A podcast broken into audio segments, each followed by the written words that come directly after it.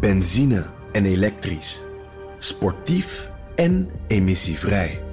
In een Audi plug-in hybride vindt u het allemaal. Ervaar de A6, Q5, Q7 en Q8 standaard met quattro vierwielaandrijving. Wat u ook zoekt, u vindt het in een Audi. Audi. Voorsprong door techniek. Welkom bij de Technoloog nummer 262 ben. En we hoorden Mark Beekhuis, de enige echte podcastgrootmeester van Nederland. Dat weten we allemaal. Herbert Blankenstein is er deze week niet. En te gast hebben we Doortje Smithuizen. Hallo Doortje. Hi. Je bent journalist, Ja. onderzoeksjournalist. ja, misschien ook wel, ja. Ja, want je hebt een groot artikel geschreven over digitale verslaving. En het voorjaar 2022, Q1, komt ook een boek uit over Ja. digitale verslaving. En daar gaan we het over hebben. Het is inmiddels wel eh, september 22 geworden met het boek. Hoezo? ja, corona. Ja, dan heb je juist meer tijd om te schrijven. ja, nee, dat is waar. Er kwam een, eh, er kwam een documentaire over cancel culture doorheen. Cancel culture. Ja. Oké. Maar goed, dat, daar gaan we het niet Nee. over hebben. We gaan het over digitale verslavingen. Maar voordat we dat gaan doen. eh, Mark, normaal moet jij, maar ik doe de hoofdwet, lees ik voor, omdat jij Ja. de gast bent. Ik lees hem voor. Ja? Ja, Doe- wie, wie, wie, wie sponsort het? eh, Teamviewer. Oké. Teamviewer is onze sponsor. Eh, dus werk op afstand, dat moet eenvoudig, intuïtief en veilig tegelijk zijn. Dat lijkt voor heel veel mensen onmogelijk. Maar Doortje, jij weet het al, dat is het zeker niet. Want we hebben Teamviewer. Krijg overal en altijd op afstand toegang tot uw laptops en mobiele telefoons. En controleer en beheer data. Deze. Met data doe je dat onder andere. Meer informatie op teamviewer.com. Goed, we gaan beginnen. Doortje. Ja. Digitale verslaving. ja. Ja, is gewoon hoe groot is dat probleem? Ehm, groot. Eh, en je zegt al meteen hoe groot is het een probleem. Dus je gaat ervan uit dat het een probleem is. nou Ehm, ja, anders denk ik, als het helemaal geen issue is, hoeven we het niet eens over te hebben. Nou ja, kijk, het was natuurlijk voor mij dat onderzoek wat ik ging doen. Ik heb eh, inderdaad een vijfdelige serie geschreven in Vrij, Vrij Nederland. En wat ik eigenlijk in het begin wilde onderzoeken was... eh, eh, ja, al die nieuwe vormen van verslaving. Dus pornoverslaving, gameverslaving, eh, telefoonverslaving. Hoe verhouden zich die tot de traditionele verslaving... zoals alcoholverslaving? Ja, even. Dus porno, eh, porno, game. Maar dan bedoel je dus digitale pornoverslaving. Ja, Precies, alles digitaal. En ken hoe jij een vorm van nou ja, niet-digitale dat je iedere dag naar de hoeren wil. Dat is een seksverslaving, denk ik. Oh, oké. nee, nee. nee, maar dat we echt de, de, de verschillende vormen van In de digitale van de verslaving. VHS-band, toch? kan ook verslavend Ja, zijn. precies. Dat ik Ja. ja. ook heb je analoge pornoverslaving. Nou ja, volgens mij was eh, Jonathan Safran Foer was volgens mij verslaafd aan videobanden en tv. Dus Ja? kon toen ook al. Ja. Maar eh, nee, zo zag ik het in elk geval heel erg in het begin van het onderzoek. Van je hebt, je hebt de traditionele verslaving aan drank of drugs of sigaretten. En dan heb je de nieuwe verslaving in de vorm van gamen of porno of misschien social media. En dat zag, ja. ik, dat zag ik ook heel erg als het nieuwe probleem. Weet je wel? Zo- Ja, toch een probleem. En, en Ben die zat meteen heel erg uh, arm over elkaar. Heel erg gesloten houding. Is het een probleem? Ja, want ik... Nou ja, Nou ja, daar moet je- nee, dat was dus. Jij zei hoe groot is het probleem? Kijk, ik dacht heel erg van, nou, er zijn allemaal nieuwe verslavingen. Dat zal wel heel problematisch zijn voor eh, nou ja, de samenleving. Maar eigenlijk kwam ik er gedurende dat onderzoek achter dat eigenlijk met die digitalisering is gewoon alles verslavend geworden. Dus we hebben het helemaal niet alleen over gamen of porno of eh, Instagram, maar eigenlijk alles wat je doet op een scherm of, of online is gewoon super verslavend. Ja, ik... Je hebt er nu al geen zin meer in. Nee. nee. Nou ja, weet je, ik zie dat gewoon niet zo. Oké. Wat is een verslaving? Ja, Misschien hebben we het niet over hetzelfde. Nou, dat is, dat is een hele goede vraag. En dat is ook wel. Nou, daarom zit Mark er ook. ja, Dat nou voor de jij goede bent vraag. inderdaad de podcast grootmeester. Nou, extreem goede jeetje. vraag. Ik kan hier gewoon een uur op voort, in principe, op deze ene vraag. Ja, oké. nou, Ehm, gaan we even luisteren. Ja. Eh, nou, kijk, dat, dat, is, dat, dat is namelijk heel ingewikkeld. Want ik- ik heb bijvoorbeeld voor mijn onderzoek inderdaad mensen gesproken die echt eh, gewoon hun leven verkloten doordat ze heel veel porno kijken of heel veel gamen of, of heel veel bitcoins kijken. Weet je, dat kan allemaal. En wij hebben natuurlijk, het, is de laatste tijd heel bonton om te zeggen: Oh, ik ben zo telefoonverslaafd, ik ben zo computerverslaafd. Weet je, iedereen zegt dat wel. Ehm, en ik voelde me daar in eerste instantie ook best wel ongemakkelijk over. Van oké, ik ben in klinieken geweest. Ik heb met echt zwaar verslaafde mensen gesproken. En verder is iedereen blijkbaar hier op deze verjaardag ook verslaafd. Dat we dat woord dus voor, voor zeg maar twee zulke uitersten gebruiken, dat voelde voor mij in eerste instantie een beetje gek. Maar anderzijds is het wel, als je kijkt naar wat psychologen definiëren als verslaving, is bijvoorbeeld je doet iets wat je eigenlijk niet wil doen, toch. Je wil ergens mee stoppen, maar het lukt niet. En dat zijn natuurlijk wel hele ja, herkenbare dingen, denk ik, voor iedereen met een telefoon of een computer. Ik denk dat we het woord dysfunctioneren bij verslaving moeten noemen. En als je echt, zeg maar, sociaal, maatschappelijk gaat dysfunctioneren omdat je te veel tijd ergens anders aan besteedt, dan moet je naar een verslaving. Ja. Als je niet dysfunctioneren hebt, ja joh, weet je, ik ga liever ook uh, een beetje hardlopen dan iets anders, denk ik, ja prima. Nou, het ligt er dus heel erg aan wat je ziet als dysfunctioneren. En ik denk dat wij in onze samenleving heel erg uh, ook ons voorhouden van... ja, maar ik ga toch naar mijn werk... en ik doe toch alle dingen die ik moet doen... en ik ben toch sportief, ik ga toch elke dag hardlopen... ik doe het toch goed, ik haal toch goede cijfers voor kinderen dan. Ja. En dat is iets waar, waar je met die nieuwe verslavingen... eigenlijk niet meer helemaal mee uitkomt. Want wat ik bijvoorbeeld zelf een van de interessantste verslavingen vond... die ik heb onderzocht, was de sportverslaving... in de vorm van geobsedeerd raken met Strava, stappenteller, andere vormen van het meetbaar, meetbaar resultaat voor jezelf. En dat is dus een enorm ja, oprukkende verslaving. Nou, jij hebt er ook een om, zie ik. Uh, ja. Heb je een verslaving? Een, een smartwatch. smartwatch ja. of valt het mee? Nee. Nou ja, dat is dus maar, bijvoorbeeld maar inderdaad... Even dan in dat je zegt van... Dan, hè, als je zegt je bent pas verslaafd als je niet meer functioneert. Nou, mensen die um, verslaafd zijn aan een stappenteller bijvoorbeeld... die functioneren vaak extreem goed. Want die werken gewoon, die, die doen alles wat ze moeten doen. En ondertussen zetten ze ook nog op een dag 30.000 stappen, bij wijze van spreken. En trouwens, gewoon letterlijk 30.000 stappen. En het punt is, met die digitalisering zijn er verslavingen ontstaan die eigenlijk heel erg ja, het uiterlijk hebben van succes. Hetzelfde geldt eigenlijk voor zoiets als een bitcoin-verslaving. Weet je, geld verdienen. Nee, maar ga maar even door op dat bewegen, okay. smartwatch. Ga daar maar even. Ja, dat klinkt namelijk goed. Dat klinkt alsof je gestimuleerd wordt om ja. iets gezonds te doen. Dus nee, precies. En dat zien we heel erg als iets goeds. Maar ja. ik heb echt mensen gesproken die gewoon elke dag om zes uur opstaan om dan uh, 15 kilometer hard te lopen. Omdat dat dingetje wat jij om je pols hebt, elke dag je aanmoedigt om iets meer te lopen dan de vorige dag.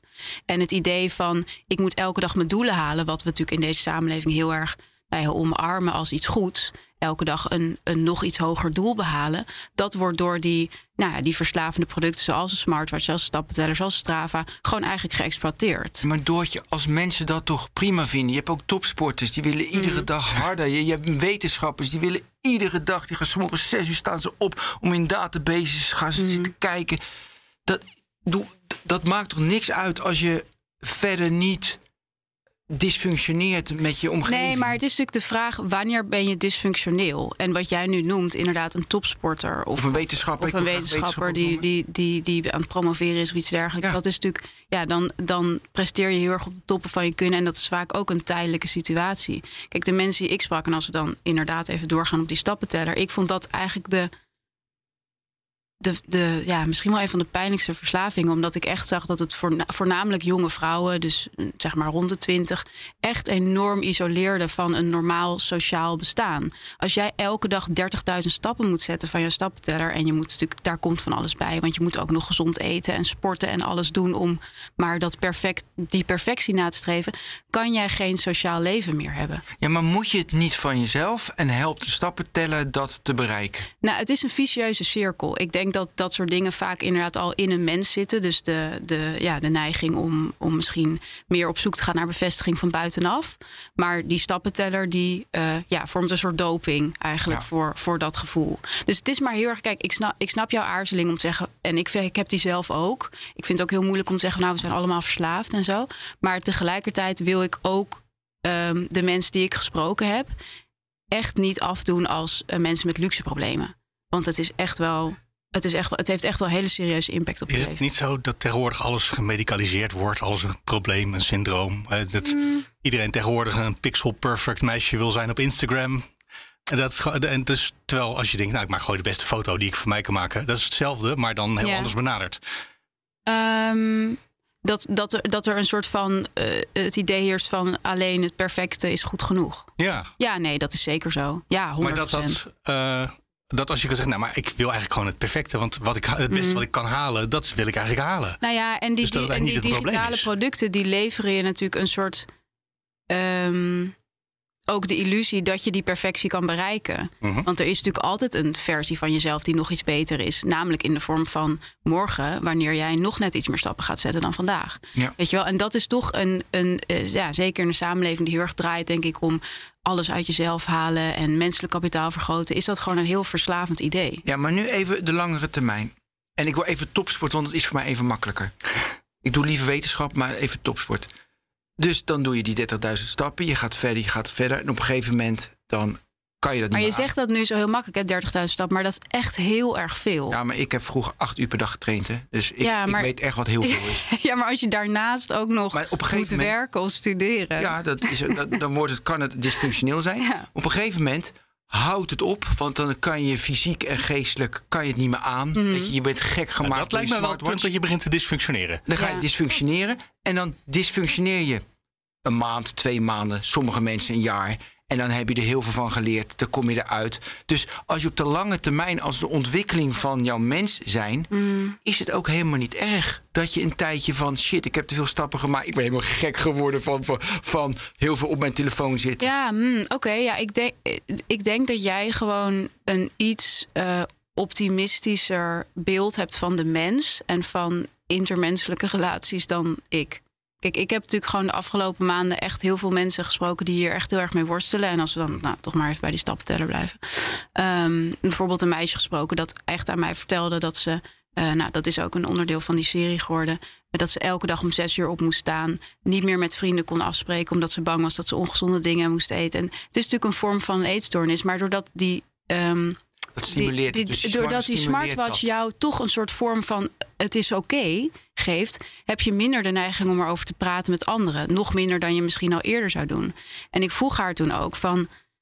Want ze vertelde toen van nou, ik heb dit gewoon nog nooit aan iemand verteld. Eigenlijk gewoon wat ze net aan mij had verteld. En zei ik ja, denk je niet, want jij gaat er nu eigenlijk vanuit dat je uit jezelf tot een soort catharsis komt van hé, hey, ik ben eigenlijk niet zo goed bezig. En dat hoop ik ook heel erg voor Mhm. Ja, iedereen. of eh, ik denk het gaat mis en dan ga je naar de psycholoog en dan doe je een paar therapiesessies en dan is het, en dan is het weer over. Nou en ja, als het kijk, te wat erg ik- is, kom je in, een- in een ps- psychiatrische inrichting en dan krijg je wat pillen en dan is het ook weer over. Ja, jongens.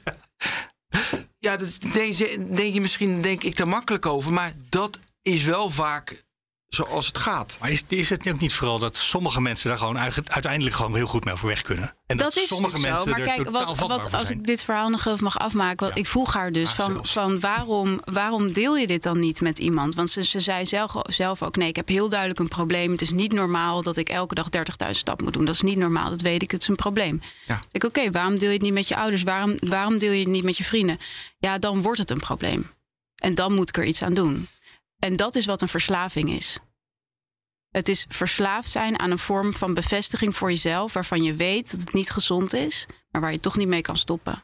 Ja. En dat is gewoon heel isolerend. En natuurlijk is het ook zo wat jij zegt van, ja goed, dan be- beland je uiteindelijk, eh, want dat is inderdaad vaak helaas wel zo. Mensen, mensen raken op een gegeven moment gewoon rock bottom en belanden dan eh, in een kliniek of iets dergelijks. Goed, ik, zou, ik ben in die klinieken geweest, ik zou het niemand toewensen, heel eerlijk Nee, gezegd. dat is niet best. En ehm, ja, het is, het, is, het is gewoon maar de vraag hoe je er naar kijkt, denk Ja, ik. oké. Maar je zei net, ik wil niet zeggen dat alles nu zomaar verslavingwekkend is. Maar Nou, ik wil wel, ik wil wel dat zeggen dat, je dat wel wil zeggen, is, toch? nee, nee, ik wil we- wel best zeggen dat echt heel veel wat we doen op een dag verslavend is. Maar ik Mhm. wil niet zeggen dat iedereen eh, per se echt verslaafd De taal is. daarvan ontspoord raakt. Maar wel denk dat we wel bijna allemaal verslaafd gedrag vertonen. Ja. Ja, Ja. Ik heb geprobeerd te bedenken, maar het valt eigenlijk reuze mee. fijn. Tenminste, er- ik ervaar het niet als een probleem. Dat is natuurlijk, eh, dat kan ook nog.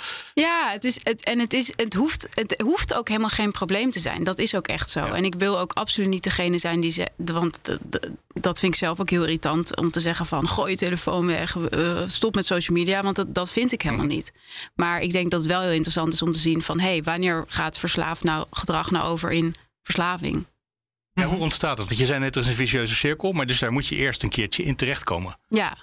Uh, ja, dat, dat, ga, dat, kan op, dat kan op heel veel manieren. Ja. Natuurlijk, elk um, mens is anders. Kijk, het idee wat vanuit de psychologie heerst over verslaving, uh, dat is vrij gangbaar, is dat het iets van een vlucht vaak in zich heeft. Dus er is iets aan jouw situatie niet goed en daarom zoek je daar een vlucht een uit. Ja. en wat je veel ziet, zeker natuurlijk in de verslavingen die ik heb onderzocht, zijn vaak toch wat jongere mensen. Um, was er heel vaak al iets in de zin van ouders die gingen scheiden. Um, uh, uh, vaders die slaan, uh, ouders die doodgaan, pesten op school is heel vaak een aanleiding. En vervolgens is er dan het, het, is helemaal niet standaard om een, of nou, sterker nog, denk ik strafbaar, om een kind een glas wijn te geven of een uh, sigaret. Maar het is wel heel normaal om een kind een Gameboy te geven. of een iPad te zetten. Uh, ja, of een iPad. En wat je ziet is dat kinderen dan al heel jong, uh, als dus die behoefte aan vlucht er is, zo'n digitale weg eigenlijk omarmen als hun manier om bepaalde emoties te verwerken. En dat kan dan later in hun leven. Nou, ik heb bijvoorbeeld ook voor die serie een, jongen gesproken die. Nou, die was op een gegeven moment echt aan bijna alles verslaafd geweest. Maar die was verslaafd geweest aan een Nintendo, aan, aan, aan, aan, aan andere games, aan films. Uh, toen aan sporten nog. Nou, eerst aan eten, toen aan sporten. En daarna was zijn allergrootste verslaving was Grinder. Dating app Grinder. Maar dat was echt omdat hij al heel jong had aangeleerd van... oh, als je je niet goed voelt, dan is er altijd wel een computerprogramma dat je kan. Dat gaat me helpen. Ja. Okay. Ik wil even wat elementen, bijvoorbeeld met de smartwatch, maar je kan ook grinden nemen, waardoor mensen verslavend gedrag gaan vertonen. En ik weet, weet je, dat zijn die code dingetjes en dat zijn die, uh, weet je, die, die, die uh, autoriteit, pingetjes, Ja. kleurtjes. Hoe je in die vicieuze Hoe je cirkel in die blijft. visuele blijft. Ja, kun je even wat noemen? Nou, het is vooral, het, ik denk wat, wat, wat ik heel verhelderend vond eh, als het gaat om waarom het nou zo verslavend is, is het idee van gewoontevormende technologie. Dus je, je, je vormt een gewoonte rond bepaalde eh, technologie. En dat zeggen mensen ook vaak met rokers. Weet je wel, dat ook als mensen eh, nicotinepleisters gaan plakken om te stoppen met roken, dan verlangen ze nog steeds naar het roken van een sigaret, even naar buiten gaan. eh, even een moment voor jezelf of juist met anderen. En dat eh, biedt eigenlijk ja, elke vorm van technologie die we nu gebruiken, heel op een hele ja, handzame en ook sociaal geaccepteerde manier. Dus je moet even wachten, je pakt je telefoon, je verveelt je, je gaat even op YouTube. En ja, wil je er nog dieper op in? Want ik Ja, kan er nog wel graag. iets in. Nee, maar ik wil ook gewoon de, weet je, de, de, de badges die je krijgt. Weet Ja. je, de, de, Trucs de hoek, de uitdelen. Nou ja, trucs. kijk, wat, wat, wat belangrijk is om te weten is dat ons brein is gewoon eigenlijk nog dat van een Neandertaler. Dus die is gewoon op zoek naar bevestiging van de groep, bevestiging van zichzelf en manieren om te overleven. En vroeger was dat in de vorm van eh, een eland waar je naar ging jagen, of eh, inderdaad passen bij een groep, of het idee dat je zelf eh, iets goeds had gedaan. Maar wat we nu eigenlijk zien is dat die technologie dat ons aanbiedt in de vorm van ja, eh, hele grappige dingen eigenlijk. Wat ik bijvoorbeeld niet wist, was dat de NOS-app voor heel veel mensen zo verslavend is, omdat het dus appelleert aan dat Neandertaler gevoel van jagen. Je bent alleen niet op jacht naar eten of zo, Ja. Laatste maar nieuws. naar nieuws. Ja, Ja, en dat nieuws is is een, nieuw, een nieuwe Ja, vorm van, wel. van wat, wat we als belangrijk zien om te overleven. Mhm. Nou ja, als het gaat om. eh, Mag ik even mooi van aftellen? Ja. Ik was een keer eh, in, eh, bij South bij Southwest bij een lezing eh, van... dat was een, was een combi tussen iemand die bij Disney had gewerkt... dus die Ariel had getekend, oh, vet. en van Snapchat. En die jongen van Ariel, die man, hè, oude man... Mhm. die ging dan vertellen wat de Snapchat doet om iemand verslaafd te maken. Ja. En dan tekende hij bijvoorbeeld Ariel, tekende die live op het bord. En dan zag je allemaal bubbeltjes van... hé, hey, er komen bubbeltjes, ze komt eraan, ze komt eraan. Ja. En dan Snapchat, de product owner van Snapchat... die ging dan vertellen, kijk, die bubbeltjes, die doen wij dan met... ze hebben geloof ik een, eh, ze hebben een duiveltje of een, eh, een spookje hebben ze bij, eh, hebben ze bij Snapchat. ja. Van kijk, dat spookje doet ongeveer hetzelfde. Nou, dat was, zo, was in de tijd van, van dat het nog mocht. Hè, dat we alleen maar in de techwereld verslavende elementen toe gingen voegen... zodat Om- mensen ja. om zo lang mogelijk op te Ja, zitten. toen we dat Maar- nog soort van normaal vonden. Nee, dat, dat moest juist. We Ja, moesten dat leren. Dat was in 2013 met dat boek Hoekt. Weet je, verschrikkelijk slecht boek. Eh, en ook een eikel, die, die, die gast, die moet, moet zo even vertellen. Mhm. Maar nu is het natuurlijk van, hey, time well spent Maar enzovoort. tien jaar eerder was er toch al de klacht over dat rode knipperende lampje op een Blackberry. Waar alle managers verslaafd aan waren. Want dat lag, Ja. dan Want er ligt er iets telefoon nieuws. ligt hier boven de televisie op de kast. Ja. Maar dan kwam dan het lampje je en dan toch. moest je opstaan, natuurlijk. Ja. Nou, en dat is ook het interessante aan die. ehm, aan wat die technologie heel goed doet. Want je hebt dus die vormen van bevestiging die jouw ja, hele primaire brein dan zo heerlijk vindt. Mhm. Maar wat, wat technologie of ja, een goede, een goede verslavende app heel goed doet, is dat hij dat vaak onregelmatig uitkeert. En de beste vergelijking wat dat betreft is eigenlijk de eh, fruitautomaat. Waarom is de fruitautomaat zo verslavend? Omdat je steeds zelf iets kan doen. Je kan dat ding naar beneden trekken. Je hebt controle voor je gevoel. En de beloning is onregelmatig. Dus soms krijg je drie citroenen volgens mij. En som, en maar heel vaak. bent een heel grote gokker, ik Ja, ja, ik, je zit me altijd daar Altijd in een café. Ja. En, ehm, en, en wat heel grappig is, is dat is echt een één op één vergelijking te maken. Dus met Instagram. Want daar scroll je zelf doorheen naar beneden. Nieuws-app net zo goed. En soms krijg je een beloning in de vorm van een bericht of foto die je interessant vindt. En vaker niet. Dus die onregelmatige beloning, dat hebben eigenlijk alle verslavende apps, games natuurlijk, hebben dat gewoon heel goed. Maar als wij hier zo ongelooflijk vatbaar voor zijn, voor dat soort mechanismen. Wat Mhm. Ja. was het dan 50 jaar geleden of 100 jaar geleden?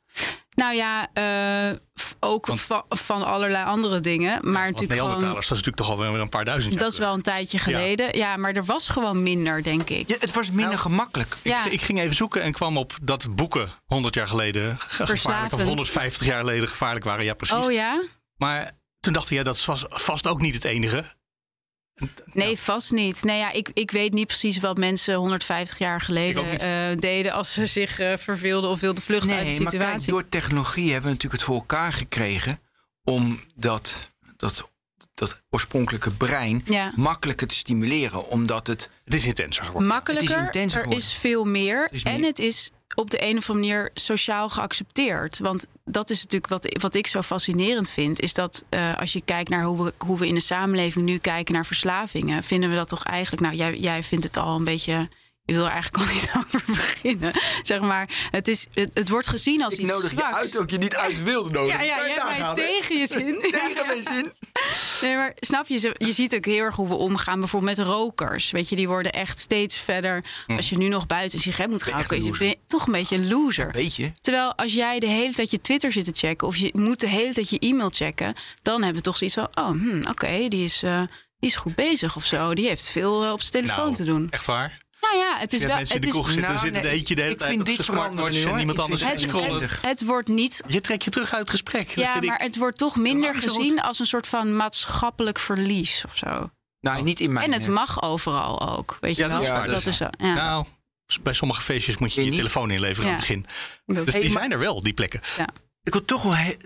He- het is terug, ik weet het. Maar even terug naar. Kan je niet, denk ik vaak aan. Want mijn vaste voorbeeld bij de technoloog is altijd. Ik wil, ik wil verslaving zijn aan Ik wil verslavend zijn aan leren. Dus alle trucken die, wij, Ja. die, die, we- die wo- worden gebruikt. Laat mij eeuwig leren. Dat ik denk Ja. van wow of nee. Is nog steeds niet gemaakt. Dat, dat vind ik echt stom. Een Dus- verslaving aan leren. Ja, dat dus nu, eh, weet je, nu moet ik dat zelf doen. Dus soms ben ik diep, ge- diep geconcentreerd. Dan kan ik, kan ik een moeilijk boek lezen. Soms moet ik Ja. even luchtig, dan lees ik even de krant. Dus ik, ben, ik moet het zelf samenstellen dat ik mezelf ontwikkel. Dat moet ik zelf samen, moet ik zelf doen. En dat is moeilijk. Ja. Dus ik zou heel graag willen dat technologie mij helpt met dat ik mezelf ontwikkel. En waarom wil jij niet. jezelf zo graag ontwikkelen dan de hele Oh, tijd? nu wordt het een psychologisch gesprek. Omdat namelijk als ik 85 ben en ik kijk terug... dan heb ik, moet ik wel het idee hebben, er is iets gebeurd. Want anders is het leven al, is al zinloos. Maar dan is is, er het dan? helemaal zinloos. En wat is er dan gebeurd? Dan heb je gewoon heel veel kennis tot je genomen. Dat is leuk. En dan kun je de mensen blij mee maken met die kennis. En dan maken we een mooie podcast. En dan wordt Ja. Mark blij. En jij wordt blij. Ja, ik vind dit eigenlijk echt heel interessant. Want jij gaat er dus al vanuit dat de hele tijd leren en de hele tijd soort van vooruitgaan in die zin iets goeds is. Ja, maar nu heb ik je. niet dat ik wil winnen. Zeker niet. Want dat vind ik echt... Mensen die willen winnen is heel eng. Maar ik heb een, even iets anders. Kijk, ik weet dat je namelijk beter wordt... als je ook af en toe rust neemt. Ja, als hij stopt. Als je gewoon, ik weet het niet meer. Het is jongens, we houden nu even een minuut stil te kijken wat er dan gebeurt. dus dat hoort erbij. En dus dan zouden die stimulatie van mij bijvoorbeeld, kijk, het, dus eigenlijk zijn die algoritmen in mijn smartwatch die mij dus stimuleren om die 30... Ik heb alles uitgezet natuurlijk. Ja, ja. Maar om die 30.000 stappen te maken van dat meisje is dus heel slecht. Want Ja. zij wordt beter fysiek en ook geestelijk als je periodiseert. Even veel, even weinig, even intensief. En dus die algoritmes zijn gewoon echt onderontwikkeld en slecht. Dus ik denk als, als techno-optimist dat over tien jaar die algoritmes zo zijn Ja, ja. dat ze ook voorkomen dat ik aan grinden verslaafd Ja, ben. oh je- shit, nu verklap ik iets. Dat je echt helemaal niet meer voor jezelf hoeft na te denken, zeg maar. Dat je gewoon alles... Nee, dat het me nog meer helpt. Nog meer helpt om, eh, om een. Om, nou ja, om, om, als ik om, om op een prettig leven te hebben. Ja. Om een mooi leven te hebben dat ik mensen veel kan laten zien. Ja, maar het is toch tegelijkertijd ook wel heel treurig dat we dan dus hopen op een algoritme dat dat Ja, je gaat verschaffen. Ja, de, mens, de mensheid kan dat niet meer. Waarom niet? Nou, omdat de mensheid nog met die speer op die velden loopt ja. in, zijn, in zijn brein. En dat brein is niet doorontwikkeld. Dus technologie moet ons helpen om verder te komen. Is dat? Mark, doe Ja, jij bent een techno-optimist, maar daar heb vind ik geen het, last ik vind van. het wel een beetje een dystopisch wereldbeeld eigenlijk. Dystopisch zelfs. Ja, een beetje wel. Omdat, omdat het ervan uitgaat dat je het dus niet zelf kan. Dat je, alles, dat je alles uit handen moet geven aan een algoritme die jou gaat vertellen van... Nee, het helpt. nu moet je even vijf een minuten rusten. Als je begint met een simpel to-do-lijstje, heb je al een tool gemaakt voor jezelf. En daar Ja. is natuurlijk waar jij Dank, heen wil. Dank, Mark. Ja, En dat is toch, daar zou niemand op het ogenblik bezwaar tegen hebben. Oh, heb je een, eh, zo'n eh, zo'n uitklapblokje waar je netjes vinkjes kan zetten? Nee, maar ik heb, ook, ik heb ook niet per se bezwaar tegen het, het middel dat wordt ingezet, maar meer tegen het idee dat je altijd maar optimaal moet zijn. Ja, dat is iets wat Ben ik die vind eigenlijk altijd het met zo min mogelijk je- weerstand En optimaal ik, en ik oefen daar zelf ook mee, maar dat je, dat je gewoon tijd niet nuttig besteedt. Dat je tijd eigenlijk anti-nuttig besteedt. Dat je eigenlijk iets heel, heel onhandigs doet met je tijd. Dat. Dus de app Ja. moet ook af en toe zeggen, nu even mediteren. Ja, maar als de app je dat gaat vertellen, dan weet je dat het is. Omdat de app weet dat je, dat, dat jouw ultieme Ja, samenstelling iemand moet je dat een is. keer uitleggen. Want uit zichzelf gaat Ben dat niet doen. Ja, nee, ik vind dat... Ik, Nee, maar, do- do- maar je hebt gelijk. De app moet ook zeggen... nu moet je even waste time hebben. ja, maar dan zegt de app hebben. het dus met als onderliggend doel... Dat, jij je ook als beter voelt. Ik zou, maar, maar, Oké, er is ook nog één. En daarna wil ik naar inderdaad... eh, Mark, wat jij zei... eh, want ik jou, De weerstand. de weerstand gaan we Ja, zo. ja, ja. Maar dan wil ik nog één ding vertellen. Eh, nu ben ik het trouwens kwijt wat ik wilde vertellen. Dus we gaan gelijk naar de Gelijk door naar het andere. Ja. Weerstand. Ja. Jij- even een verdoortje voor jou. Kijk, ik denk namelijk dat, dat technologie, een van de kern, kernen van technologie is dat het je weerstand verkleint. Dus het wordt steeds makkelijker. Vroeger moest je vuur maken, mo- mo- Ja. had je het koud, dan moest je hout sprokkelen, weet je wat een gedoe. En nu denk je aan, aan het moet warmer zijn en de kachel gaat aan. Ja. Heerlijk. Eh, dus dat is mijn filosofie over wat technologie in, in de fundamenten doet. Het- Mm. Ons leven wordt rijker daardoor Ja, makkelijker, maar ook vooral rijker. Makkelijker, want waarom moet het makkelijk zijn? Rijker. Toen stuurde Mark mij een, art- een, een, een video en ik heb daar zo van genoten. Mark, Ja, even- dat ging over de benefits of in- inconvenience. Ja, dus die- precies ja. het tegenovergestelde. Ken hem? nou, jullie stuurden hem Oh ja, door. ik ik, heb de een link natuurlijk. ik heb een Ik had- klein stukje Ja. Wat- wat gekeken. vond ja. je daarvan? Ja, ik Ja, vond het gewoon... ik heel even uitleggen Ja, voor de mensen misschien het die dat niet gezien hebben. Ja. Wat ik zelf wel een heel goed voorbeeld vond, was een, er zat een route, een- iemand had een routeplanner ontwikkeld. Die de eerste keer zei, nou, tweede straat rechts, derde straat eh, links. En als je die vijf keer had gedaan, dan zei je, nou, dan heb je die straat heb je vaak genoeg gezien. Ja. Leer deze plattegrond maar uit je hoofd. En eh, dus in de loop... Zoek het zelf wel. Ja, want als je namelijk met een TomTom doet, dan leer je nooit de stad. Ja. Dan weet je welke routeplanner je ook pakt. Eh, dan leer je nooit waar je bent. En dat, dit, deze app die dwong je om toch de omgeving in je op te nemen en te kijken waar je bent. En na verloop van tijd kon je die route zelf, had je die app helemaal niet meer nodig. ja. En jij vond een heel mooi voorbeeld een speeltuin waarin allemaal. De App Store. Ja? Oh, je kon hem meteen gaan halen, die app. Eh, ben vond een heel mooi voorbeeld een speeltuin waar allemaal gaten in zaten en waterpompen, waardoor eigenlijk het spelen. Het, ja, er zat zeker een weerstand in. Het, ging- Ja. het was niet vanzelf makkelijk allemaal. Ja, Ehm, ja fantastisch. dat is het tegenovergestelde, precies het tegenovergestelde van verslaafd maken. Zo'n zo'n app Ehm, of zo'n speeltuin die je, die je aan jezelf, aan je lot overlaat. Nou, het is in elk geval een manier om, om uit die gewoontevormende technologie te komen. En het Mhm. is een manier om, eh, Ja, maar het, is natuurlijk, het blijft natuurlijk heel interessant. Want het blijft die technologie die jou dat vertelt. Dus dat is een hele spannende overgang. En dat, dat zou natuurlijk te gek zijn als inderdaad. eh, Ja, ik die en routeplanner zo goed, omdat hij je ik. terugduwt. Ja, maar wat, is, wat ik zelf bijvoorbeeld lastig vind, is wat apps als Instagram en zo nu bijvoorbeeld doen, is dat ze zeggen van ja, maar we houden, omdat we ook het heel erg vinden als mensen verslaafd raken aan deze app, houden voor je bij hoe lang je ermee bezig bent. En dan krijg je een berichtje als je er te lang op zit. Ja, dat is natuurlijk gewoon een soort, soort nep, weet je wel. Dat dan doen ze alsof ze het heel erg vinden. Maar zoiets is natuurlijk wel heel interessant. Dat je. Maar dat gaat natuurlijk geen commercieel bedrijf in, eh, in, eh, implementeren in zijn app. Dat je zegt, nou, Mm. je hebt nu zoveel uren Facebook gescrolld. Langzaam gaan we de berichtjes onleesbaar maken. Ja. Steeds vervagen. Ja, Ja. nee. Toch? Dat, is niet dat is niet wat commercieel. Facebook nee, doet. Nee. Dus Nou hoe ja. gaan we dit gebruiken dan in het echte leven, Ben? Eh, Twee dingen. Kijk, één, het allerbelangrijkste met als je een product maakt of een product hebt, is product market fit. Ja, ik zat net naar die, eh, die podcast te luisteren. Hij was bij Lex Friedman van de oprichter van Instagram. En die zat alleen maar product market fit, product market fit, Ja, ja. product market fit. Dus dat is logisch. Dus dan maak je het fijn, prettig. Dit is juist een anti-product market fit. Ja. Want je wil, weet je, je wilt mensen vervelend maken. Dit Voor hun eigen bestwil. Dat vind ik het voor een mooi eigen. Dat Ja. is inderdaad Ja. het hele mooie eraan. Maar eigenlijk zou. Ja, dat is. Nee, je komt daar niet uit. Want ik dacht van er moet veel meer. Kijk, dat is een hoogleraar die dat zegt in design. Dus ik dacht in design thinking moet veel meer zi- zijn. Kijk, nu, oké, in 2013, toen ik dat bijvoorbeeld vertelde over Snapchat, zitten allemaal, allemaal designers in de zaal. En die zitten alleen maar van hoe kan ik verslavende elementen in mijn digitale Ja. product bouwen. Nu is het zo van oké, Mark Zuckerberg kwam met time well spent.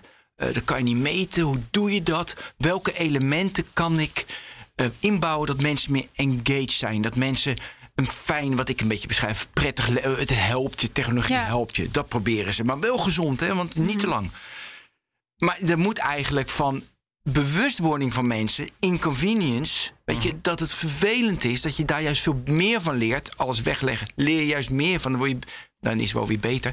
weet je, da- daar dat, dan bereik je meer. Dat moet eigenlijk Ja. in de design thinking komen. Ja, Dat ja. inconvenience. Ja, goed idee. Ja, Maar goed, even een vraag nu aan jou. Hè? oké. Ik ben er volgens mij achter dat jou, jij moet even wat. We hebben een paar podcasts geleden, toen kwamen we tot de conclusie dat. Kijk, is technologie een hulpmiddel om, om het leven prettiger, beter, mooier, aangenamer te maken? Of is technologie een onderdeel van wie je bent als mens?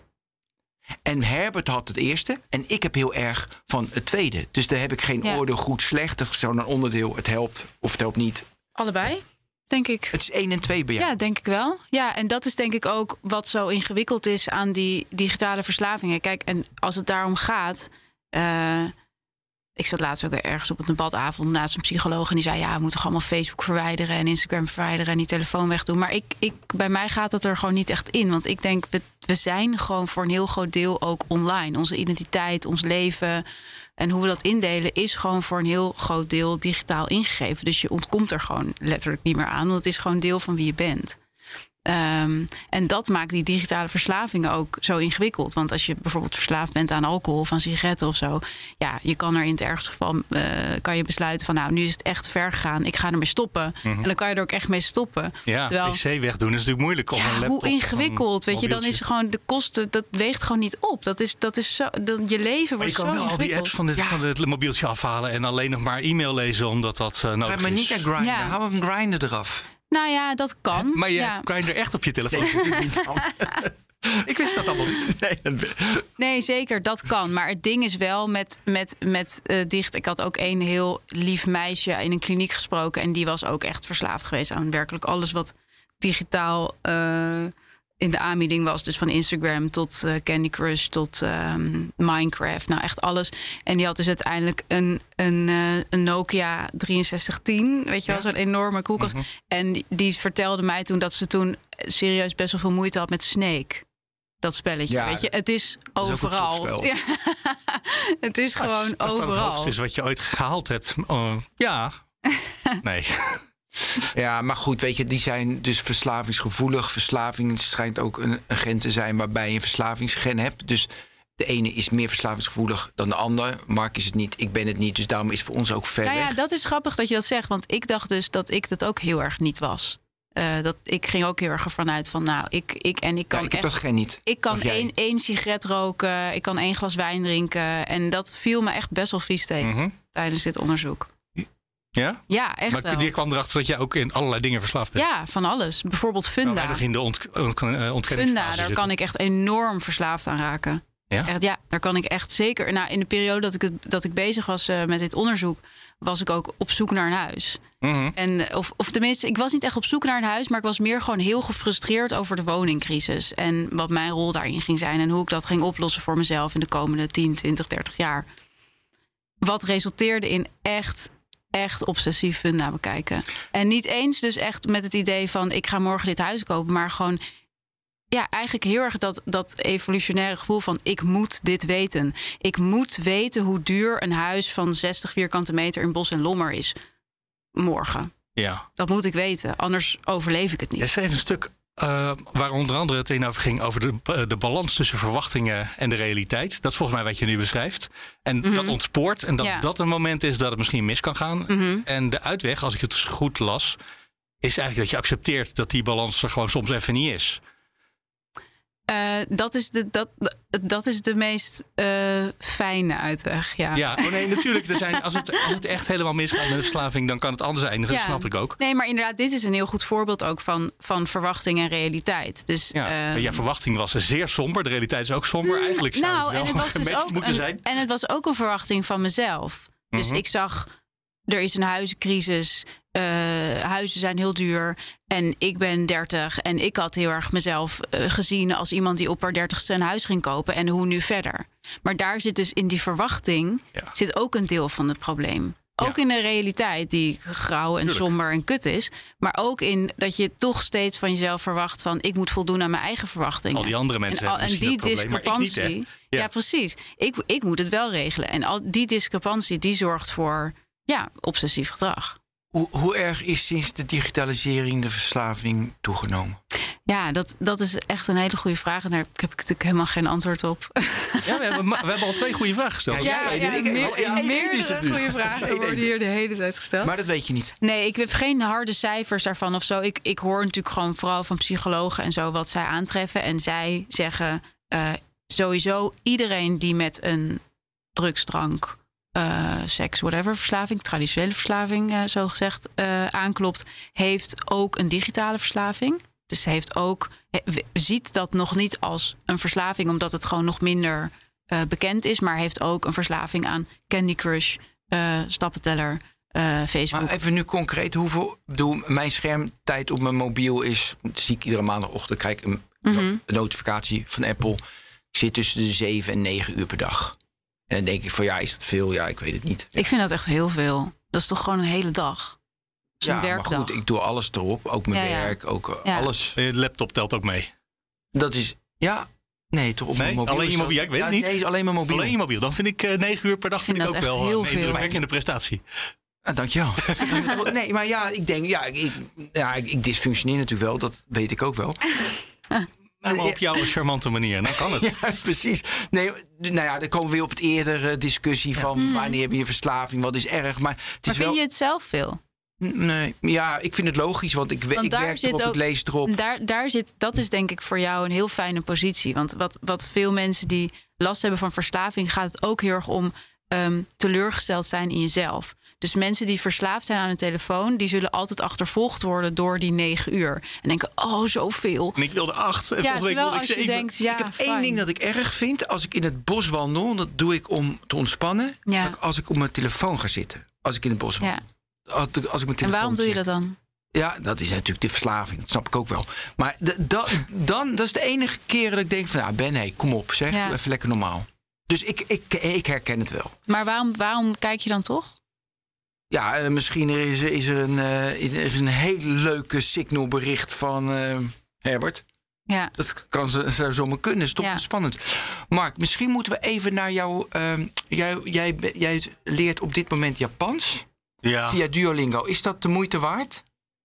Nou, ik leer natuurlijk helemaal geen Japans. Maar ik heb wel heel veel woordjes geleerd. En een beetje van de grammatica. Ja, Dus maar dat- ja, is, het, is het de moeite waard? Ja, ik, Nee, die hanteert die verslavende elementen om jou langer zeker. te laten nee, leren. Dat is absolute gamification. En bij mij werkt het volgens mij zo dat ik het meer doe dan ik het anders zou doen. Wat eigenlijk Ja. wel goed is juist. Anders dan zou ik afhaken na verloop van tijd. Denk ik, ja, Ja. nou weer gedoe. En ik denk, nou, duizend woorden in een jaar heb ik nu geleerd. Dat vind ik wel een goede prestatie. Niet, het klinkt Ja. mij niet obsessief. Ja, dus van, ja, Maar dat is ik, inderdaad, gamification is toch helemaal waar het om gaat. En dat, en dat is met alles. Ik heb dat bijvoorbeeld eh, met. Ik, ik heb het gewoon heel sec met woorden schrijven. Ik schrijf duizend woorden per dag. eh, maar ik en, en dat moet ik mezelf ook echt aanleren van dat is genoeg. Maar ik weet als ik dan 1100 woorden geschreven heb, dan ga ik toch denken, nou morgen 1200. ja. Ja, maar dat Nee, maar met dat doe je het- helemaal zelf. Dat heeft niets ik- met technologie te maken. Jawel, want nee, ik zie want op die mijn- ik in zie op mijn- 1934. Nee, maar ik zie op mijn scherm hoeveel woorden ik schrijf. Als ik die met de hand had geschreven, dan had ik dat nooit gezien. Ja, op je ik typemachine had je ook gezien dat je bij Juist, want dan wil je drie A4'tjes doen. Ja. Ik denk niet dat het dan zo zichtbaar zou zijn. Nee? denk ik niet. Nou, ik ben En zo gewoon- aantrekkelijk. Maar je vindt dat, nou ja, als je morgen 1200 woorden schrijft en je krijgt eh, daardoor 20% meer betaald, is het misschien nog wel nuttig. ook. ja, dat is zeker waar. Ja, Nou, absoluut. Nou ja, die woordjes. Ik, het is de bedoeling omdat we ooit weer Japan in mogen en dat ik dan een paar woorden spreek. Ja. Voorlopig ben je helemaal niet welkom vanwege corona. Wel een goed doel op zich. Ja, en ik kan ook hele zinloze zinnetjes. Nu Nou nee, die kan ik dus niet zeggen. Ja. Dat is het probleem. En waar zit hem dan de gamification is in bij dat Duolingo? Nou, ten eerste word je gewoon elke dag herinnerd aan het feit dat je vandaag wel of niet Mm. iets gedaan. Dat kan je uitzetten, maar dat heb ik niet gedaan. Eh, dan is er een soort. eh, ze tellen hoeveel dagen je achter elkaar bezig Ja. bent geweest. En eh, dat is een, een streak. Maar die kan je natuurlijk, als je maar voldoende hebt geoefend in het verleden, kan je daar punten mee opbouwen. En dan kan je daarmee, eh, hoewel je een dag overgeslagen hebt, kan je wel weer gewoon die, het aantal dagen door laten tellen. Eh, dus ze, dus helpen je om te denken. hacken. Het is, Ja. nou, het is volledige falsificatie. Ze zeggen dat ik 600 dagen achter elkaar geweest ben. Dat is niet waar hoor. Mhm. Ik denk dat ik vier, vijf dagen in de week doe. Ehm, Grappig. ja, en nou ja, tegelijkertijd, dus ik doe nu heel relaxed. Maar ik kreeg gisteren in mijn jaaroverzicht en toen zeiden ze: ja, je, hebt, eh, je zit in de top 3% van de wereld qua activiteit. En denk ik, dat klinkt wel weer, oh, omdat ik hier ben bezig was voor te bereiden, dacht ik, dat klinkt wel voor zo'n wereldwijde app als een enorme. Ja. Alsof ik er heel erg veel uren mee bezig Blij ben. of maakte je je zorgen? Nee, ik was verbaasd. Oké, ja. Ja. ja. En ik zou me de eergisteren, toen ik nog niet zo goed over dit onderwerp had nagedacht, zou ik gewoon dachten, oh, nou, dat zal wel. Ja. Zo, het klinkt wel goed. En nu denk ik, was ik dan toch verslaafd? Maar ik denk het eigenlijk niet. Maar de- nu heb je. Kijk, volgens mij moeten we wel er na, naartoe gaan. Kijk, jij kent de trucjes. Ik Ja. ken ze ook een klein beetje. Mark kent ze ook. Dus, want wij zijn mediabewust. En de, de technoloog luisteren ook. Maar die moet het nu aan de familie en vrienden vertellen. Kijk, als ik iets krijg dat ik denk van ja, dan denk ik altijd ja, hufters. Weet je, Ja, zitten, je proberen ziet het, jullie ja. mij weer verslaafd te maken? Of jullie. Maar dan is dit iets wat één generatie een probleem is. Juist. Dat is mooi. Nou, dat zou mooi zijn. Maar dat is natuurlijk niet Ja. zo. Want wat ik net al zei, die we- Blackberry lampjes, die waren... eh, waren Ja. Toen ik, twintig jaar geleden, toen ik in de journalistiek begon... toen waren die dingen ook... Toen, nou, sterker, ik heb rep- reportages gemaakt over dit onderwerp. Oh ja. En dan, dan was ik extra verbaasd toen ik een zinnetje las... waarin iemand zei, ja, we zijn een praatgroep begonnen... En eh, dat is problematisch, want we zijn alles zelf aan het uitzoeken, want er is zo weinig over bekend. Toen dacht ik, Ja. twintig jaar geleden waren er psychologen en psychiaters al mee Ja, bezig. maar het gaat heel traag hè, met, met, het, met het erkennen van die digitale verslavingen. Ik bedoel, de, Ja. de staat nu Ja, als enige in de toen ook het verhaal, DSM-5. Dat is volgens mij sinds 2013 zo. En de rest is gewoon nog niet. Ja, dat heeft dan tien jaar gedaan af van dat het herkend werd en dat het in dat zo'n Ja, DSM-4 of terwijl zo dus, ja, terwijl dus die, terwijl die, die mensen die jij Nou, bij... vier was eh, in 13, want vijf is pas een twee jaar of zo. De, de, de- Ja. die jij bij South by Southwest, die zijn al eh, heel lang bezig met alles zo Ja. verslavend mogelijk. Dus daar zit natuurlijk wel een soort discrepantie. Ja, maar zeg maar, de bewustzijn wat mensen. Het is wel lekker als mensen media bewust, maar het is misschien een generatie. Maar oké. Zit er onderscheid, wat je noemde net gamen, zit er onderscheid in Insta, eh, zeg maar in social media, in gamen, in grinder, maar daar heb ik meer van. Dat is eh, meer, meer, weet je, Tinder-achtige dingen. De grinder, Tinder, Ja. in die hoek. Kun je onderscheid daarin maken? Ehm, In Eh, die verschillende functies van verschillende digitale of het middelen. op een andere manier verslavend is, bedoel je? Ja, we zien je andere uitingen. Want je hebt natuurlijk drie gemaakt. De, het bewegen, Ja. de grinder jongen. En je had er nog een YouTube volgens mij. Of de game. Ja, ik had er vijf. Oh, Ja, vijf had je er. Ja, Twitter. ehm, Twitter ook? ja. Oh, Twitter. oh ja, die Twitter jongen. Maar eh, Ja, die eigenlijk achteraf heel blij was volgens mij voor een deel ook. Die maakte Ja, elke dag die maakte best- die een grap op Twitter en daar kon hij de hele dag mee vooruit. ja. Dat las ik er ook in ja, maar de vraag is, zie Ja. je daar verschillen in? Of komt het uiteindelijk allemaal Nee, op het is hetzelfde eigenlijk neer? allemaal hetzelfde. Ja, en dat is ook niet zo raar, want de technologie lijkt heel erg op elkaar. Dus of je nou steeds naar een nieuw level gaat, of steeds een volgende like kan krijgen, of steeds naar een volgende video gaat op YouTube, eigenlijk is het best wel allemaal hetzelfde. Wat had je gehoopt dan? Nou ja, dat daar onderscheid in zat. Dat je bijvoorbeeld.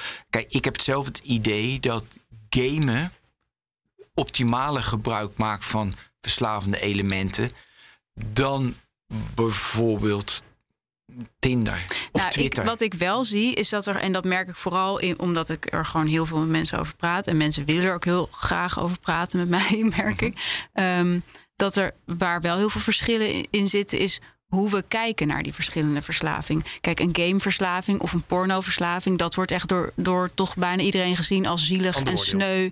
En uh, daar, dat moet je niet hebben. Terwijl zoiets als een stappentellerverslaving of een, of een telefoonverslaving wordt gezien van, oh, dat heb ik misschien ook wel, weet je wel. Terwijl um, het kan net zo hardnekkig zijn. Alleen het een is gewoon meer sociaal geaccepteerd dan het ander. Wat zegt het dat iedereen daar nu met jou over wil praten? Ik bedoel, je bent natuurlijk logisch als je met iemand erover gaat praten, dat je het dan met jou gaat doen. Ja, het zit mensen toch heel hoog, heb ik het idee. Mensen willen het heel. En wat mensen ook heel graag willen horen, is dat anderen veel verslaafder zijn. Mhm. Dus, dan, dus mensen vinden het heerlijk om van mij te horen over, zeg maar. Altijd erg. Uh, ja, zeg, maar de, de, de, de jongens die inderdaad acht uur lang porno kijken of zo. Jeetje, weet je echt waar. Dat, dat, dat vinden mensen dan echt fantastisch en dan vragen ze erg op door. En ik denk dat daar toch ook iets onder zit van. Ja, ik, bij mij valt het mee. Ja. Een soort geruststelling. Lijkt me indrukwekkend. Moeten we het echt verslaving noemen? Ik, ik, ik twijfel daar dus ook heel erg over. Ik, ik zou het eerder dus um, verslaafd gedrag noemen. Wat ik zelf en toch bijna iedereen om mij heen ook vertoont. Mm -hmm. um, en een, ver, een verslaafd persoon is, is toch vaak is wel een iets ander verhaal. Ja. Uh, kunnen mensen in 2021 minder goed fysiek contact maken in vergelijking met 20 jaar geleden? Um, ja, ik denk dat dat wel lastiger wordt, ja. ja.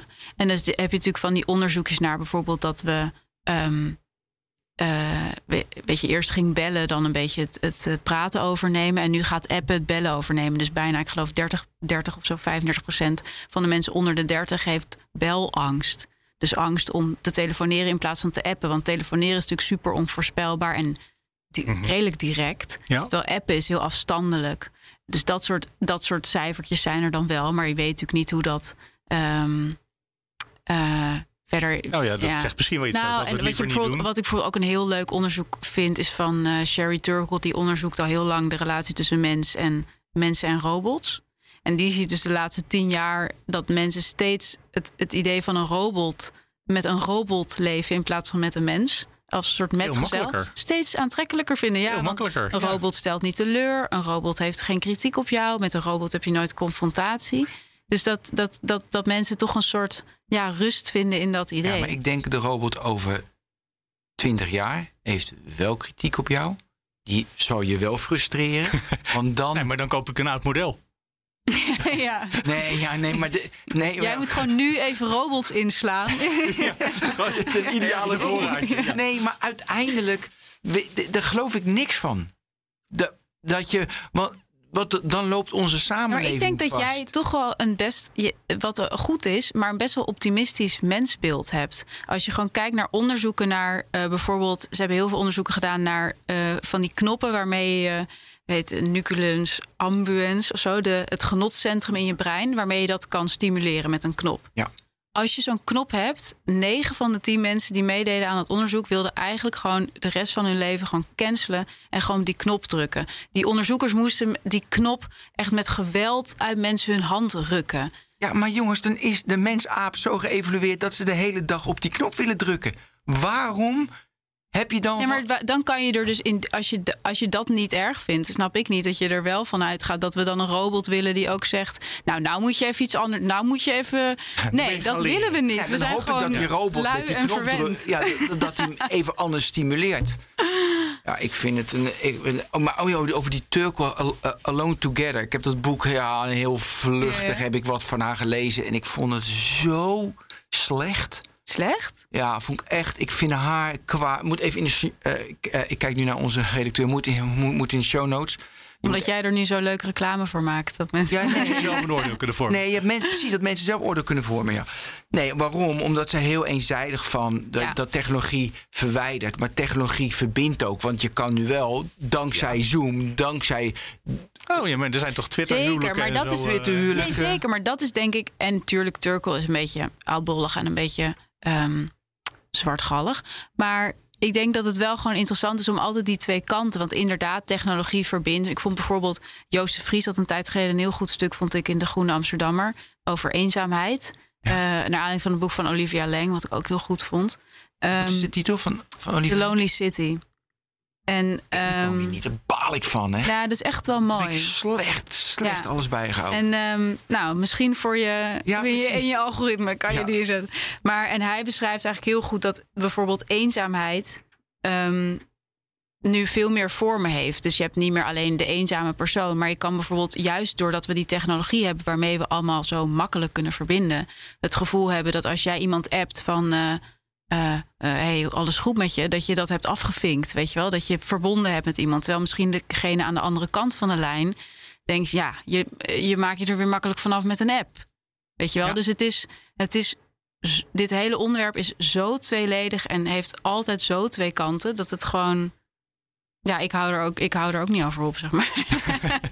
Ja. dit- doet ook, denk ik trouwens aan iets anders waar je over schreef. Over dat ELISA-experiment. ja, Waar onder andere, ja, wat jij schrijft, iemand aantoonde dat het vooral. ELISA is een computer waarmee je kan chatten en dan Ja. denk je een gesprek te hebben. Maar dat is nu niet een echt gesprek, want het is nee, je gewoon een ziet, computer. je ziet dat het een computer is. Dat is het grappige van Ja. Eliza. Dus dat was inderdaad een gesprek, een, echt, een, volgens mij in de jaren 60 of zo, echt heel lang Ja. geleden. En het hele punt van het experiment was dat ze wilden laten zien dat je geen diepgaande menselijke gesprekken met een computer ging hebben. Dus er stond ook dat echt zo'n enorm ding. En dan ging je daarmee. En de, de antwoorden die Eliza, de computer, dus gaf, waren ehm, hele standaard psychologen ik antwoorden. vind het vervelend. Waarom Ja. vind je dat vervelend? Ja, hoe komt Ongeveer dat? Ja, hoe voel je je erover? Echt heel saai. En wat gebeurde er dus dat mensen die gesprekken gingen voeren met die enorme computer dus. En dan bijvoorbeeld aan de onderzoekers gingen vragen van... ja, willen jullie even naar buiten? Want ik vind dit gesprek een beetje te privé. Ja. Terwijl ze dus wisten dat ze met een computer... Dus daar zag je al dat maar mensen... dan zeg je, daar toont eigenlijk vooral aan dat wij weerzin hebben om contact met el- echte mensen te hebben. En dan liever maar met een computer. Dus liever maar met die robot. Mag nou, ook. dat is... Maar Dat is nou dat dat waar is. Dan is het toch Ehm, prima dat mensen zich richten op die computer. En af en toe die mensen de kamer uitzetten. Ja, dat, dat is waar. Ja, Ja. dat zou kunnen. Ja, dat, dat, zou, het voelt dat kan een een wereldbeeld te zijn wat, je maar- aanhang, wat, je, kan- wat je kan aanhangen, ja. Dat we gewoon dat klinkt allemaal, allemaal thuis met een, met een Android. Een beetje zoals in die film Her, weet je wel? Ja, het is heel overzichtelijk. En iemand helemaal verliefd wordt op een Ja, virtuele fantastisch. computer. Ja, zo kan je natuurlijk leven. Ja, fantastisch. Ja, geweldig. Ja, als dat niet alles is, dat lijkt me misschien wel een voorwaarde. Want het gaat natuurlijk over het overmatige, dan wordt het problematisch. Of het dwangmatige, dan wordt het problematisch. Ja.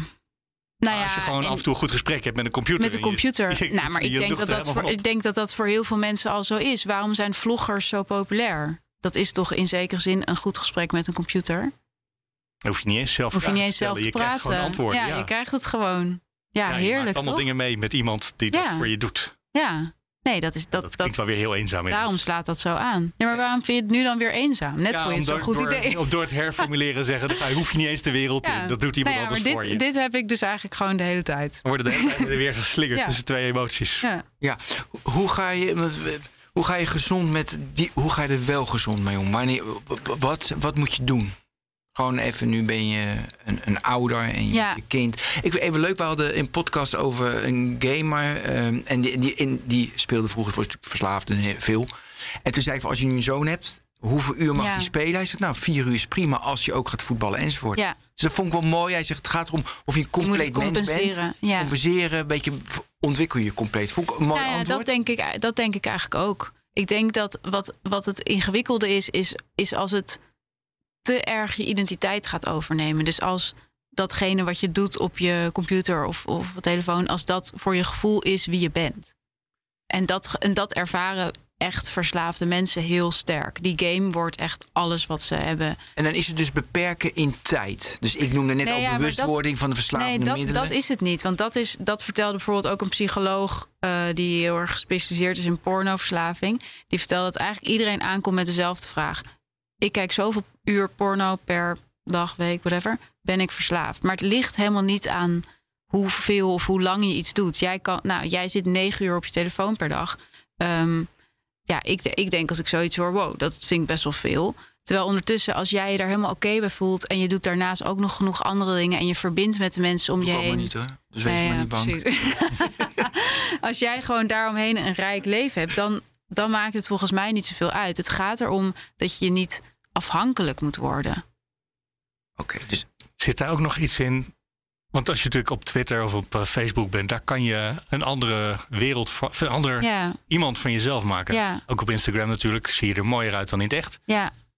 Eh, als je, dat je, zit daar nog iets in dat je dan denkt, ja, maar ik kan maar terug natuurlijk in het gewone leven Zeker. leven, maar ik kan ook in dat mooiere leven, Maar dat is zelf natuurlijk waar- ja, dat is natuurlijk en dat is inderdaad hè, als je uitgaat van het idee van verslaving is een vlucht. Mhm. Eh, digitale wereld is natuurlijk de ultieme vlucht, want alles is daar beter, makkelijker, sneller. Jij bent er geweldiger eh, en je bent, het is veel controleerbaarder. Dus hoe doorbreek je dat dan? Ja, dat is heel lastig. Ja, dat is gewoon leren omgaan met, met de imperfectie van het bestaan.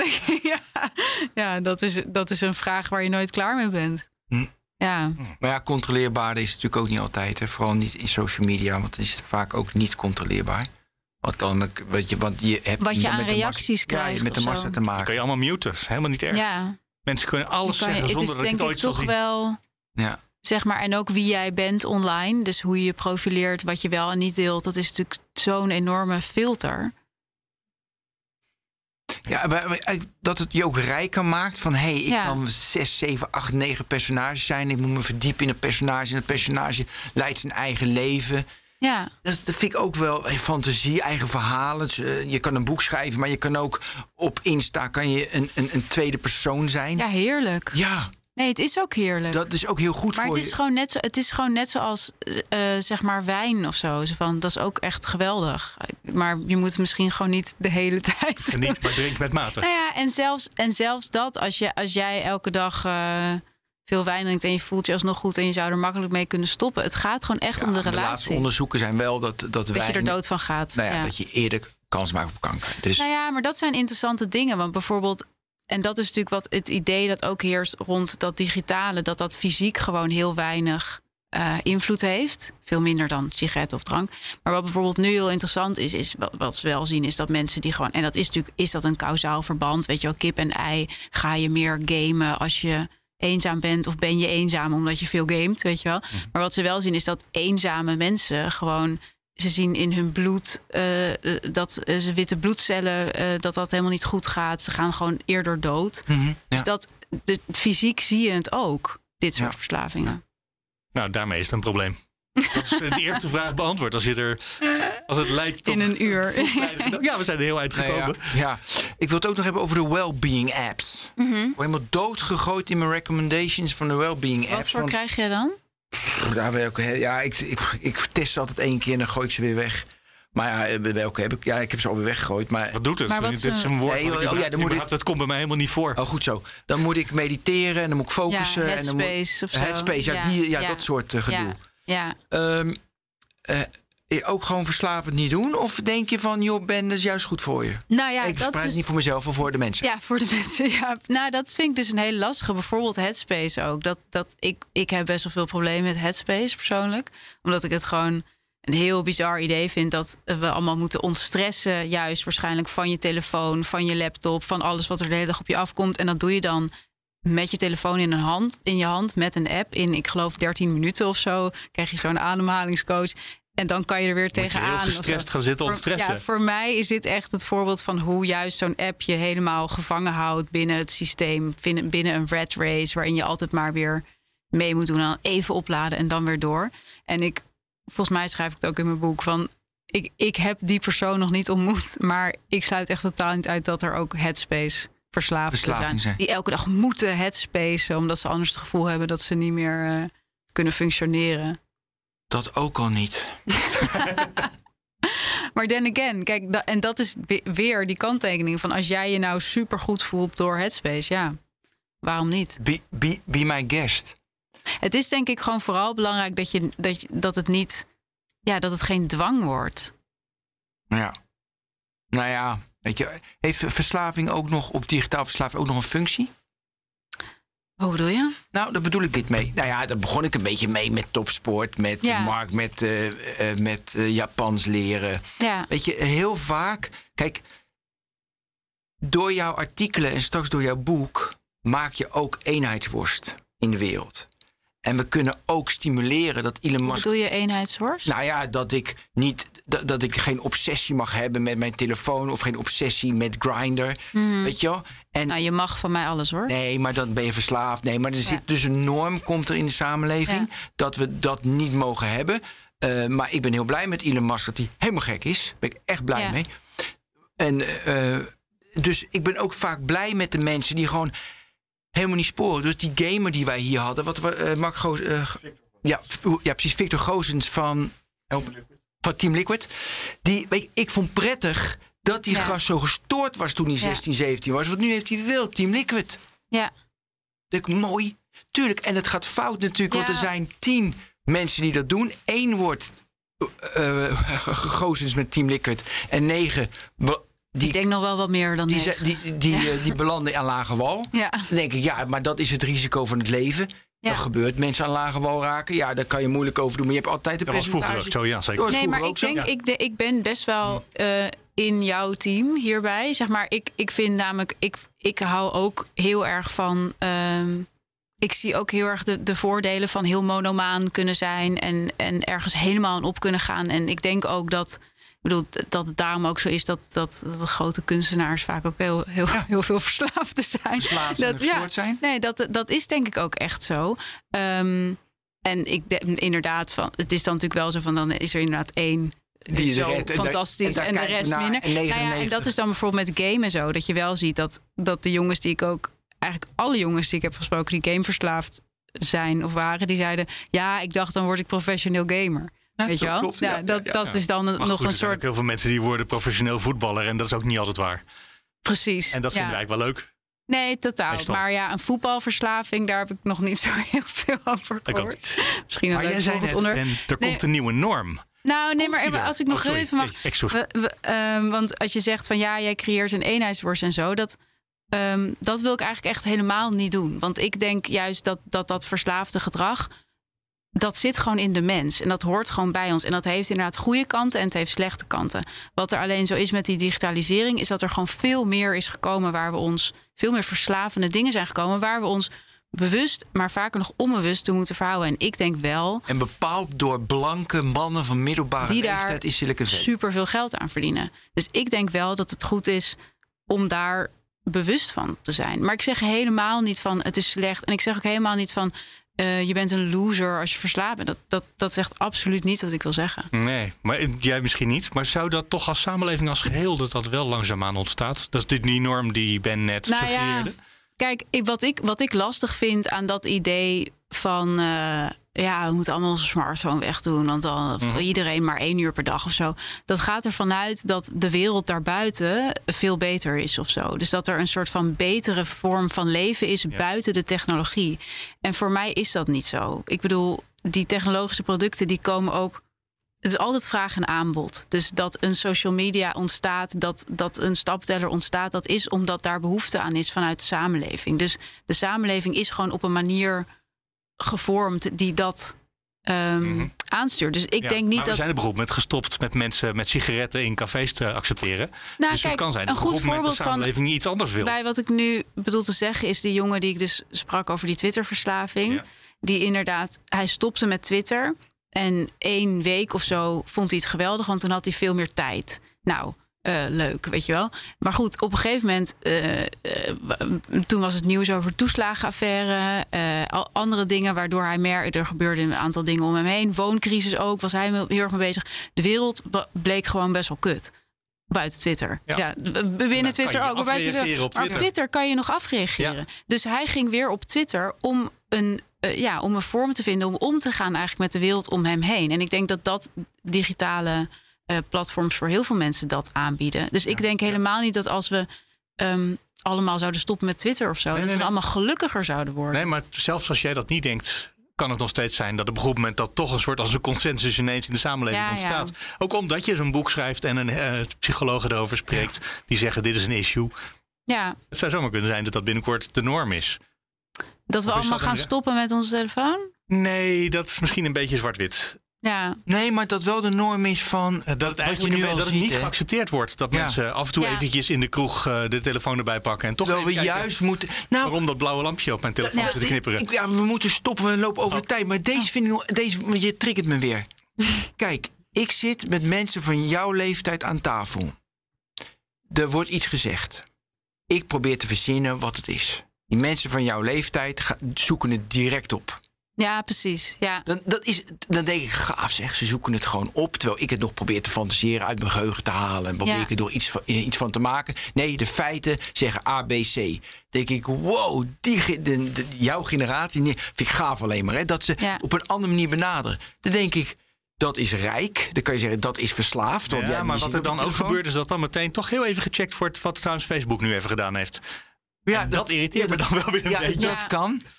Maar En ik- hoe vaak heb je dat zelf, toch? Tenminste, ik wel. Dat je dat je, je telefoon, dat je denkt, oh, ik moet dit. En dan pak je telefoon en dan tien minuten later denk je, Ik wat ging ik hier nou opzoeken. doen? Ja, weet je, en dat is wel... Ja, maar goed, ik ben nu, ik heb, doe expres mijn telefoon niet uit hè, tijdens deze podcast. En nu ben ik eh, twee keer gebeld. En dan denk, ben ik toch benieuwd. Dus in mijn achterhoofd zit, Ja. ik twee keer denk ik, ja, zo wat. Dat is toch grappig dat ik daar ook mee bezig ben. Dat Ja. het helemaal niet moet, want ik moet geconcentreerd. Maar dan denk ik van, ja, dat is deze tijd. Ja, ik, ik vind het, ja. Ik wil eigenlijk tot naar een conclusie toe. Want we moeten naar een conclusie toe, maar ik heb hem niet. Nee, ik ook niet. Nee, dat, we worden heen en weer geslingerd tussen twee emoties. Nee. Dat Dus dit is een ontwikkeling. Ja, hè, het is een ontwikkeling waar we allemaal mee te maken hebben. Ja. En waar we veel over moeten discussiëren. Om Nou uiteindelijk... ja, en het is dus wel dat ik, ik zelf door dit onderzoek wel, wel inzag van... wow, er zijn wel echt veel meer verslavende dingen om mij Ja. heen... dan ik, waar ik me van bewust was. Laten we gewoon kijken van wa- wat voor verslavende elementen in jouw leven allemaal voorkomen. Laat dat een, een les zijn of wat we meenemen. Ja. Is dat oké? Ja, heel goed. Oké, eh, Doortje Smithuizen, dankjewel dat je er was. Heel erg prettig. Mark, de podcastgrootmeester, heel fijn dat je er was. Je blijft het zeggen, heel goed. Ja, dat blijf ik mijn hele leven zeggen. Eh, dit was eh, technoloog nummer 262. Tot de volgende technoloog. Hoi. Dag.